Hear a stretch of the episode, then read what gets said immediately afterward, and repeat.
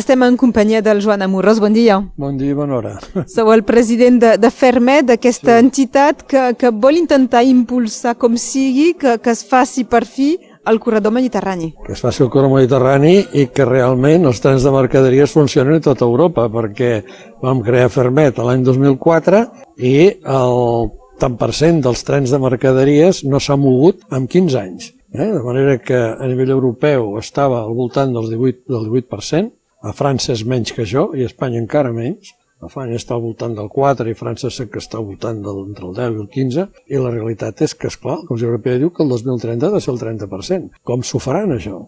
I el problema està en què els estats inverteixen des d'un punt de vista polític, no des d'un punt de vista ni medioambiental, malgrat que tots parlen del medi ambient, ni tampoc des d'un punt de vista de, de baratir els costos de transport amb el tren. No? I nosaltres ara hem començat un estudi simplement per demostrar que dels 80.000 quilòmetres que han posat de corredors, que és un excés, eh, probablement concentrant els esforços, no sé, potser amb 15, 16, 16 18.000 quilòmetres, probablement podem aconseguir el, els resultats aquests del 30% almenys en aquesta zona. I com que aquí és on hi ha el tràfic, vol dir que passarem de la carretera al ferrocarril i vol dir que almenys els objectius mediambientals els aconseguirem amb un 60-65%, perquè el 100% és impossible. I, I això és el que estem batallant. O sigui que, per una banda, el corredor mediterrani, per suposat, que venim batallant-hi des de fa 15 anys o més, i per altra banda, doncs, que realment a Europa hi hagi una consciència de que el medi ambient és fonamental i si resulta que les mercaderies transportades per mitjans terrestres contribueixen al 30% de les emissions, doncs home, tu, fem alguna cosa, no? És simbòlic que s'hagi fet a, a Perpinyà aquesta, aquesta trobada, aquesta conferència, perquè Perpinyà és un de, dels punts que, que manca aquest, aquest lligam ferroviari en direcció de, de Montpellier. Sí, sí, sí, aquest és el gran problema, no? Jo encara recordo que nosaltres vam participar amb un debat públic d'aquests que organitza el govern francès de l'any 2006 i ens deien que el 2018 això estaria fet. Eh?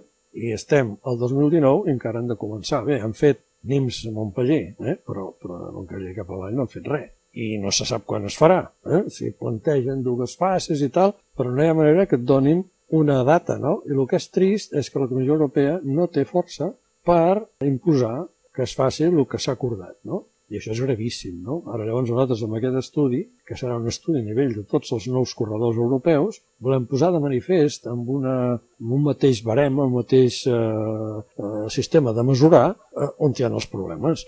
I llavors suposo que aconseguirem treure els colors les galtes de, de molts governs, perquè, és clar estan invertint allà on no hi ha el trànsit. Si inverteixes en aquí, potser faràs molt content a no sé qui, però a l'hora de la veritat no contribuiràs en res a millorar la situació mediambiental, ni a reduir els costos de transport, ni a balancejar els fluxes, ni a res de res. O sigui que, és clar, això és les coses que podem amb aquest estudi, posar de manifest això i anar a estar membre per estar membre i dir, escolti, a veure, veure el seu pressupost anual. Ah, vostè està invertint aquí, i per què no inverteix aquí, que és allà on hi ha realment el trànsit, no? I això és el que volem fer. Dóna la sensació que el, el govern espanyol no, no vol fer el lligam a València-Barcelona i dona la sensació que el govern francès no, tampoc vol anar fins a arribar de, de Montpellier mm. fins, a, fins a Perpinyà.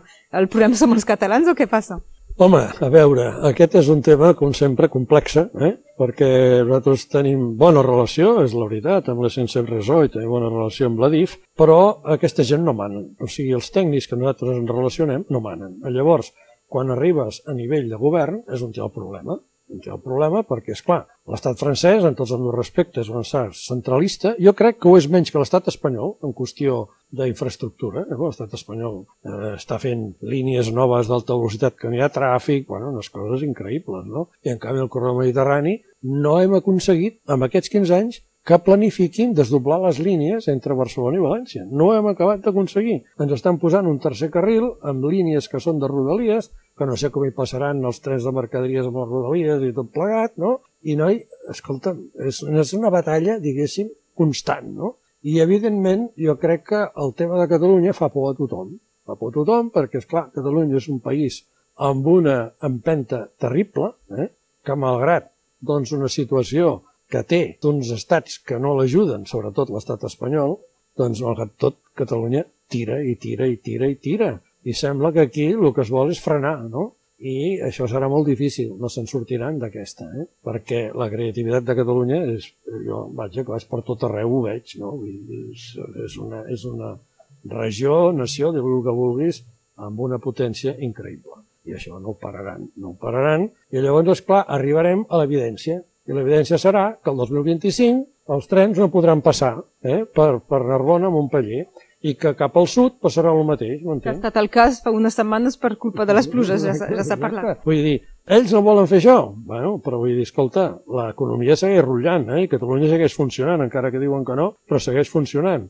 I llavors, escolta, això acabarà patant, m'entens? Vull dir, les línies no aguantaran, o això, o, o simplement aquests senyors doncs ho frenaran per altres, per altres conceptes, no? I el que no hi ha dret és que fem invents com aquests de posar un camió darrere l'altre, quan tenim els trens i podem posar perfectament els tràilers, ens, ens estalviem que els xòfers facin distàncies de 3.000 quilòmetres, té algun sentit que hi hagi un, un camió que vagi de Barcelona a Varsovia? Jo no dic que no hi pugui anar, però, home, si el poses en el tren, el remolc, t'estalvies els problemes dels xòfers que tens, que estan tres setmanes fora de casa, a més no troben xòfers en aquests moments, eh? doncs home, t'estalvies tota una sèrie de coses, i a més a més el consum energètic, perquè el tren consumeix una sisena part que els camions, m'entens? Aquí també es parla del, de les mercaderies entre els mercats de Sant Carles i Rangis, que justament s'ha tallat des de l'estiu passat i que de moment no torna a engegar-se. Doncs escolta'm, això, diguéssim, el, el, el mercat hi és, per tant vol dir que va amb camió i no va amb tren. Ara, per què no va amb tren? Això és el que hem d'investigar, eh? perquè a vegades el tren... A qui beneficia el crim? A qui beneficia? No ho sé qui beneficia, sincerament, és que no ho sé, perquè al final arriba un punt que dius, bé, què? Els camions paguen peatge i això és guanyes més diners passant per les autopistes, vull dir, això té algun sentit? O sigui, si aquí... A veure, els governs estan per servir el poble, no el poble per servir els governs, m'entens? I per tant, els governs són servidors del poble. I si a més a més s'omplen la boca dient que hi ha un problema medioambiental importantíssim, ara hi ha una reunió a Madrid que tothom dirà que sí, que sí, que sí, i després resulta que, escolta, com ho faran això? Perquè, és clar, jo a la Comissió Europea els hi vaig dir, quan vam començar aquest estudi, vaig dir, escolta, a veure, 15 anys no ha millorat el tren. Ara resulta que del 2019 al 2030 voleu pujar del 18 el 30%, com ho fareu això? Ah, ningú sap. Home, ningú sap, tu, escolteu, posem-hi, eh? Posem-hi, posem-hi de veritat, eh? No aquí de boquilla, eh? que queda molt bé, sinó de veritat. I llavors, home, vull dir, aquesta situació és insostenible. O és que el canvi climàtic no és evident?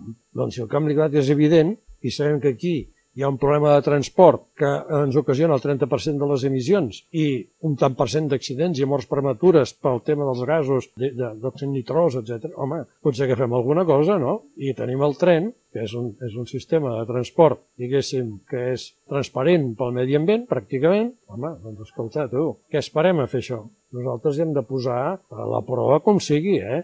Els governs espanyols i francesos i qui sigui, els hem de denunciar perquè és que no estan complint. I llavors nosaltres el que pretenem aquest estudi és, escolti, vostè està invertint aquí, per què n'inverteix aquí? Que és on vostè pot reduir les emissions, on vostè pot reduir els accidents, on vostè...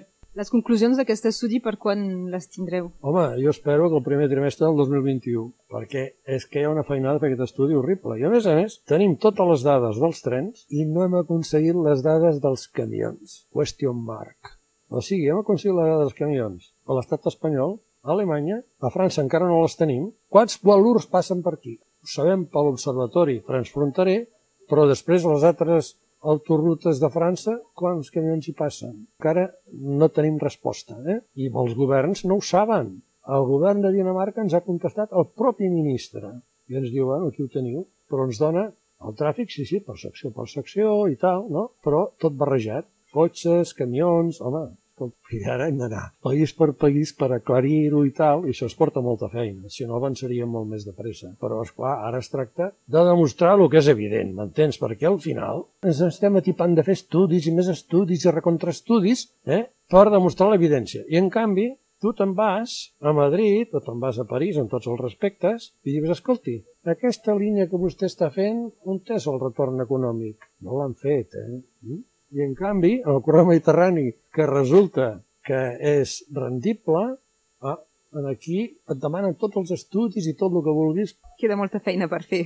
Joan Amorós, president de Fermet, gràcies i, i fins una altra. Entre tots ho farem tot, eh?